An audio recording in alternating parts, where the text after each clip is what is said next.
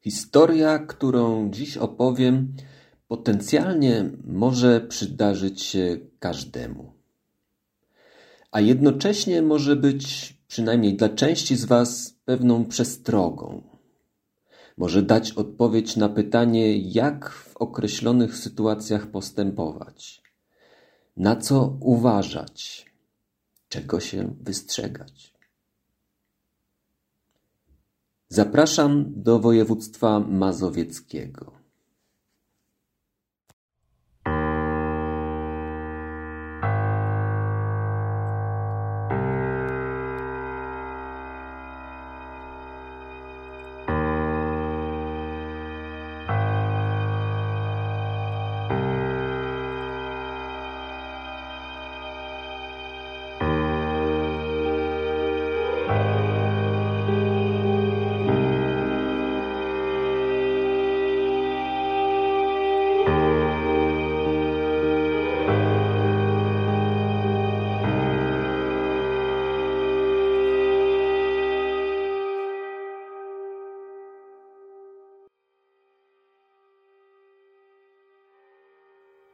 Jest rok 2002.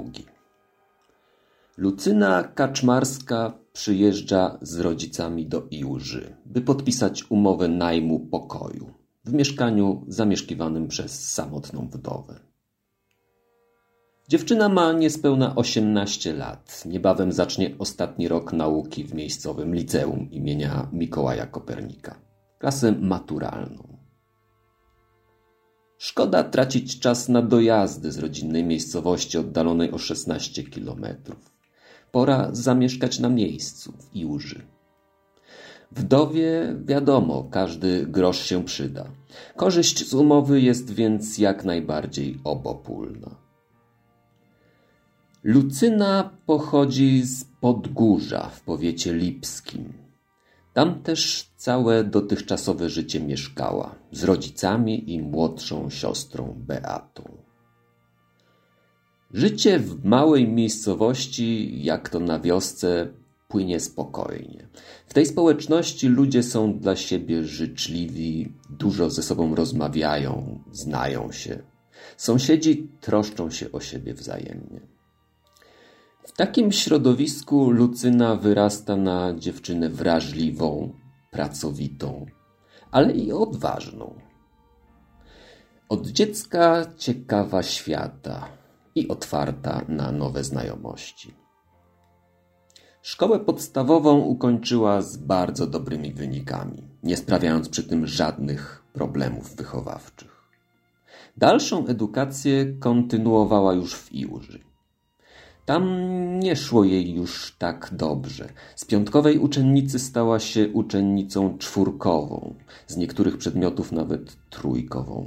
Ale nie można powiedzieć, że przestała się uczyć, czy jakoś radykalnie zaczęły ją interesować inne rzeczy. Lubi się uczyć i jest stosunkowo pilną uczennicą. Stara się na bieżąco sprostać wymaganiom, ale jedne przedmioty lubi bardziej, inne mniej. Ponadto zmiana miejsca nauki, konieczność dojazdu do miasta, mieszkanie z dala od innych znajomych ze szkoły, to wszystko ma, a przynajmniej może mieć jakiś wpływ na rezultaty. To też i przed rozpoczęciem klasy maturalnej dobrym krokiem wydaje się zamieszkanie w Iłży. Swoją drogą to może być dobra szkoła życia, radzenia sobie bez rodziców i jakieś preludium przed wyjazdem na studia. Bo Lucyna ma wiele planów na przyszłość. Po maturze chce pójść na studia, potem założyć rodzinę. Dziewczyna ma bardzo dobre relacje z matką. Z własnej woli chętnie opowiada jej o swoich wewnętrznych przeżyciach, o mało istotnych, drobnych miłostkach, jak i o wielkich zauroczeniach. W wakacje przed klasą maturalną rozstaje się ze swoim chłopakiem, Tomkiem, synem znanego w okolicy lekarza ginekologa. Powód rozstania nie jest do końca znany i jasny, ale pewne jest, że nie jest to rozstanie burzliwe i w wielkiej złości. Para rozstała się w zgodzie, o czym może świadczyć fakt, że wciąż utrzymują ze sobą kontakt. Tomek szybko związuje się z nową dziewczyną, a niedługo później jeszcze tych samych wakacji i Lucynie wpada w oko niejaki Wojtek. Wydaje się, że z wzajemnością. Poznają się na wiejskiej zabawie. Dobrze wspólnie spędzony czas owocuje obopólną wymianą numeru telefonu. Po imprezie oczywiście z tego korzystają. Wymieniają nawet dziesiątki SMS-ów dziennie. Jeszcze przed rozpoczęciem roku szkolnego dwa, trzy razy się spotykają. Nie ma tu więc może jeszcze mowy o jakimś wielkim związku, ale coś już się zaczyna. Wszystko jest na dobrej drodze. Z konwersacji poznawczej wynika, że Wojtek jest równolatkiem Lucyny. Uczy się w Lipsku i mieszka w tamtejszym internacie. Dziewczynie Wojtek coraz bardziej się podoba. Coraz bardziej jej na nim zależy. Czuje, że może być z tego coś poważnego. I chce tego. W weekend poprzedzający rozpoczęcie roku szkolnego przyjeżdża na swoją stację do Iuży. 2 września w poniedziałek jest rozpoczęcie nowego roku szkolnego. 3 we wtorek po pierwszym dniu lekcji Lucyna postanawia zrobić niespodziankę Wojtkowi. Wraca na stację, przebiera się, szykuje i prosi byłego chłopaka Tomka o podwózkę do Lipska. Zostawia nieobecnej wówczas właścicielce mieszkania kartkę z informacją, że wróci późno i wychodzi. Zgodnie z umową podjeżdża po nią Tomek i jadą do Lipska, oddalonego od Iłży o 30 kilometrów. Po drodze, po około 18 kilometrach drogi w Jaworze Soleckim, Tomek zabiera jeszcze dwóch kolegów, którzy mają coś do załatwienia w Lipsku. I dalej jadą we czwórkę. Do Lipska docierają około godziny dziewiętnastej. Lucyna wysiada w okolicach rynku miejskiego. Tomek ma się spotkać ze swoją nową dziewczyną i planuje wracać do Iłży o 22. Oferuje Lucynie wspólną podróż powrotną, ale dziewczyna twierdzi, że to za późno i informuje na odchodne, że sobie poradzi. Z rynku miejskiego do internatu ma 500 metrów, czyli jakieś 5 sześć minut piechotką. Kiedy tam dociera, wysyła Wojtkowi SMS-a, który niewątpliwie jest dla niego zaskoczeniem. Prosi go w wiadomości o wyjście przed budynek, bo właśnie do niego przyjechała i czeka. Mijają minuty, mija kwadrans, mija pół godziny. Lucyna czeka przed internatem, a Wojtek nie wychodzi ani się nie odzywa. Ale Lucyna nie wie wówczas jeszcze jednego. Wojtka wcale nie ma w tym internacie. I to nie dlatego, że akurat gdzieś wyszedł albo jeszcze nie wrócił. On w ogóle tutaj nie mieszka. Mieszka 10 kilometrów stąd, w internacie w Solcu nad Wisłą. Dlaczego oszukał dziewczynę? A może tylko doszło do niezrozumienia albo niedopowiedzenia? Nie wiadomo. Wiadomo natomiast, że odpowiedział na SMS-a około dwudziestej. Napisał, że nie może w tej chwili opuścić budynku internatu, ponieważ regulamin zabrania mu wychodzenia po godzinie 20. Gdyby to zrobił, mógłby stracić miejsce. Na tę wiadomość Lucyna już nie odpowiada. Mija noc. Następnego dnia maturzystka nie pojawia się w szkole. Szybko o tym fakcie zostają poinformowani rodzice a ci, nie mogąc skontaktować się z córką, pojawiają się w Iłży na stacji. Tam oczywiście potwierdzają jej nieobecność, oglądają pokazaną im przez właścicielkę kartkę, którą Lucyna jej zostawiła poprzedniego dnia z informacją, że wróci późno i kontaktują się z Tomkiem. Ten informuje, że poprzedniego popołudnia podwiózł Lucynę do Lipska, ale tak naprawdę nie wie, jaki był cel jej podróży. Tamtego wieczoru w Lipsku świętowano rozpoczęcie roku szkolnego. Były to nieoficjalne imprezy urządzane przez uczniów. Wieczór był y, bardzo ciepły, wiele z nich odbywało się na świeżym powietrzu. Grała głośna muzyka, były tańce, ogniska. Pojawiły się przypuszczenia, że być może nastolatka udała się na jedną z takich imprez. Były chłopak twierdzi, że tego wieczoru widział jeszcze Lucynę, jak szła do jednego z barów. On spędzał wówczas czas na jednej z takich imprez ze swoją nową dziewczyną. Zaniepokojeni rodzice zgłaszają zaginięcie córki na policji. Funkcjonariusze początkowo bagatelizują sprawę, przyjmując, że dziewczyna zabalowała albo w najgorszym wypadku uciekła. W tę wersję kaczmarscy nie wierzą. Kiedy nieobecność się przeciąga, śledczy jednak podejmują czynności poszukiwawcze. Przesłuchują byłego chłopaka dziewczyny, docierają również do Wojtka. Potwierdzają, że w chwili, kiedy Lucyna czekała na niego pod internatem w Lipsku, jego telefon logował się do stacji BTS w Solcu nad Wisłą, gdzie w rzeczywistości mieszka. Przeprowadzają wywiad m.in. wśród taksówkarzy, a także kierowców autobusów. Jeden z nich zeznaje, że w wieczór zaginięcia Lucyny młoda kobieta o wyglądzie pasującym do rysopisu zaginionej wsiadła do jego autobusu na jednym z przystanków w Lipsku. Autobus jechał jednak w kierunku Zwolenia, czyli w kierunku północnym od Lipska, a nie zachodnim, w którym powinna się udać, chcąc wrócić do Iłży. Kierowca twierdzi, że wysiadła w Ciepielowie. Mało to więc prawdopodobne, aby była to rzeczywiście Lucyna. Ktoś inny z kolei twierdzi, że widział nastolatkę na wylotówce z Lipska. Łapała stopa w kierunku Iłży.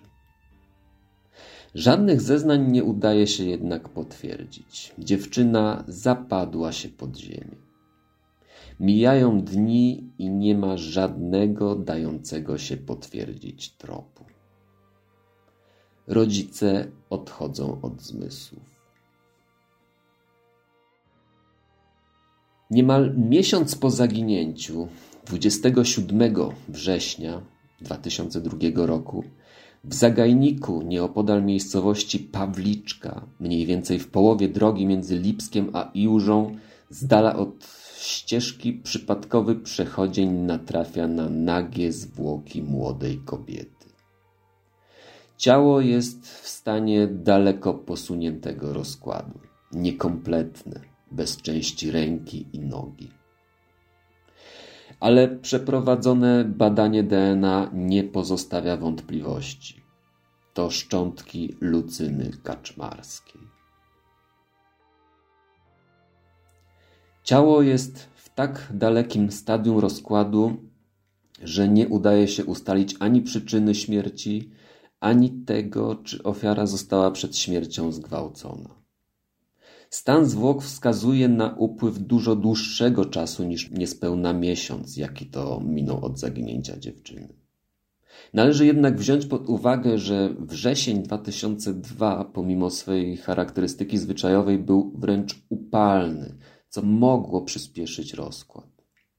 Istnieje również pewne prawdopodobieństwo, że ciało dziewczyny mogło zostać w to miejsce przeniesione już jakiś czas po śmierci. W sferze pytań cały czas pozostaje to, co działo się z dziewczyną po tym, jak nie spotkała się z Wojtkiem. Czy mogła próbować dostać się do Iłży na stopa, wsiadając do przypadkowego samochodu?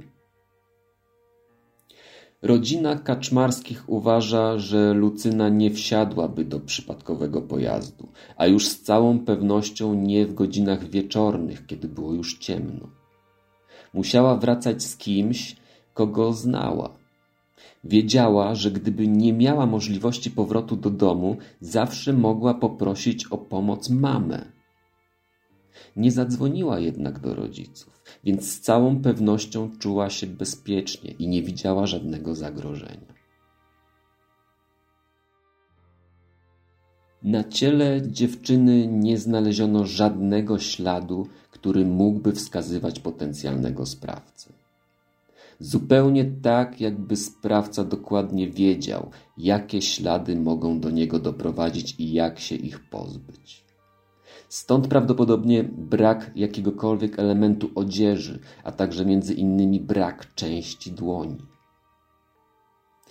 Przy Lucynie nie znaleziono żadnych obcych włosów i żadnych innych śladów obcego DNA. Sprawca intencjonalnie zadbał o to, by policja nie pozyskała żadnego śladu, który mógłby połączyć go z miejscem porzucenia ciała Lucyny. Czy tak się da? Nie jestem przekonany, ale tak twierdzą śledczy. Wśród zabezpieczonych na miejscu znalezienia zwłok przedmiotów nie ma telefonu komórkowego należącego do dziewczyny. Wiadomo, że w Lipsku oczywiście go miała. Wysyłała z niego wiadomość do Wojtka. Śledczy zadecydowali, co oczywiste, o przeanalizowaniu aktywności aparatu, na wypadek, gdyby nieuważny sprawca się nim posłużył. I rzeczywiście, okazało się, że telefon Lucyny był w użyciu już po jej śmierci. Sony J70. Na ówczesny czas to stosunkowo nowy model Sony, bo zaprezentowany po raz pierwszy zaledwie rok wcześniej. Funkcjonariuszom szybko udaje się ustalić użytkownika.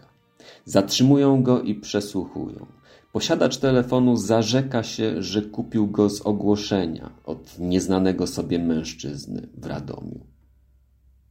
W celu sfinalizowania tej transakcji spotkali się przed budynkiem dworca w tym mieście. Sporządzono portret pamięciowy tego człowieka, jednak nigdy, przynajmniej jak dotąd, nie udało się ustalić jego tożsamości. Jedna z internautek, widząc portret pamięciowy mężczyzny już po latach, skojarzyła go z jakimś kierowcą autobusu, który w tamtych latach często na dworcu w Radomiu stacjonował. Pracowała wówczas w okolicy dworca, a ten mężczyzna, jak twierdzi, cyklicznie podjeżdżał tam autobusem. Ale nie udało się tego w żaden sposób potwierdzić. Krótko po zaginięciu, a właściwie już po znalezieniu ciała Lucyny, całą sprawą głębiej interesuje się jej kolega, niejaki Zbyszek. Zbyszek jest słuchaczem szkoły detektywistycznej, dlatego chcąc zweryfikować swoje umiejętności, czy też po prostu się sprawdzić, podjął prywatne śledztwo w celu wyjaśnienia przyczyny śmierci Lucyny oraz dotarcia do sprawców morderstwa. Spotyka się z ludźmi w Lipsku, przeprowadza wywiad, próbuje ustalić kto i w jakich okolicznościach widział Lucynę jako ostatni. Czy dociera do jakichś kluczowych informacji? Czy coś ustala? Nie wiemy. I już nigdy się nie dowiemy.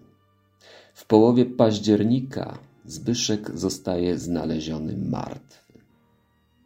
Zaledwie dwa tygodnie po podjęciu prywatnego śledztwa.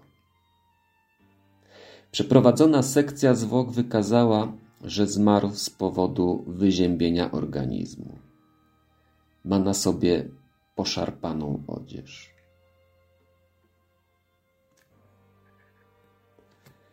Pogrzeb Lucyny gromadzi na cmentarzu setki osób, które chcą ją pożegnać. Wielkim nieobecnym uroczystości jest Tomek, były chłopak i przyjaciel. Oficjalnie odradziła mu matka, jako że jest na ustach całej okolicy jako wielce prawdopodobny sprawca nieszczęścia. Tymczasem rodzice Lucyny nikogo nie podejrzewają, nikogo nie oskarżają. Jedynie usiłują poznać prawdę. Co stało się tamtego wieczora i nocy? Rozmawiają z Tomkiem, ale mają wrażenie, że nie mówi wszystkiego, co wie. Prośba o jeszcze jedną rozmowę spotyka się z odmową. A kiedy już udaje się umówić, na umówione spotkanie nie przychodzi. Wciąż nie ma więc odpowiedzi na wiele pytań. Pozostają jedynie domysły, które od wielu lat nie dają spokoju. Sprawa Lucyny Kaczmarskiej publikowana była w magazynie kryminalnym 997 Michała Fajbusiewicza. Zabójstwem młodej kobiety interesowali się też dziennikarze śledczy telewizji TVN, emitując obszerny materiał na ten temat. Mimo to sprawa do dziś pozostaje niewyjaśniona. Co stało się późnym wieczorem 3 września 2002 roku? Co zrobiła Lucyna Kaczmarska po niedoszłym spotkaniu z Wojtkiem? Czy i jak próbowała wrócić na stację do Iłży? I w końcu najważniejsze, kto jest mordercą? Czy kiedykolwiek poznamy odpowiedź na choćby to ostatnie pytanie?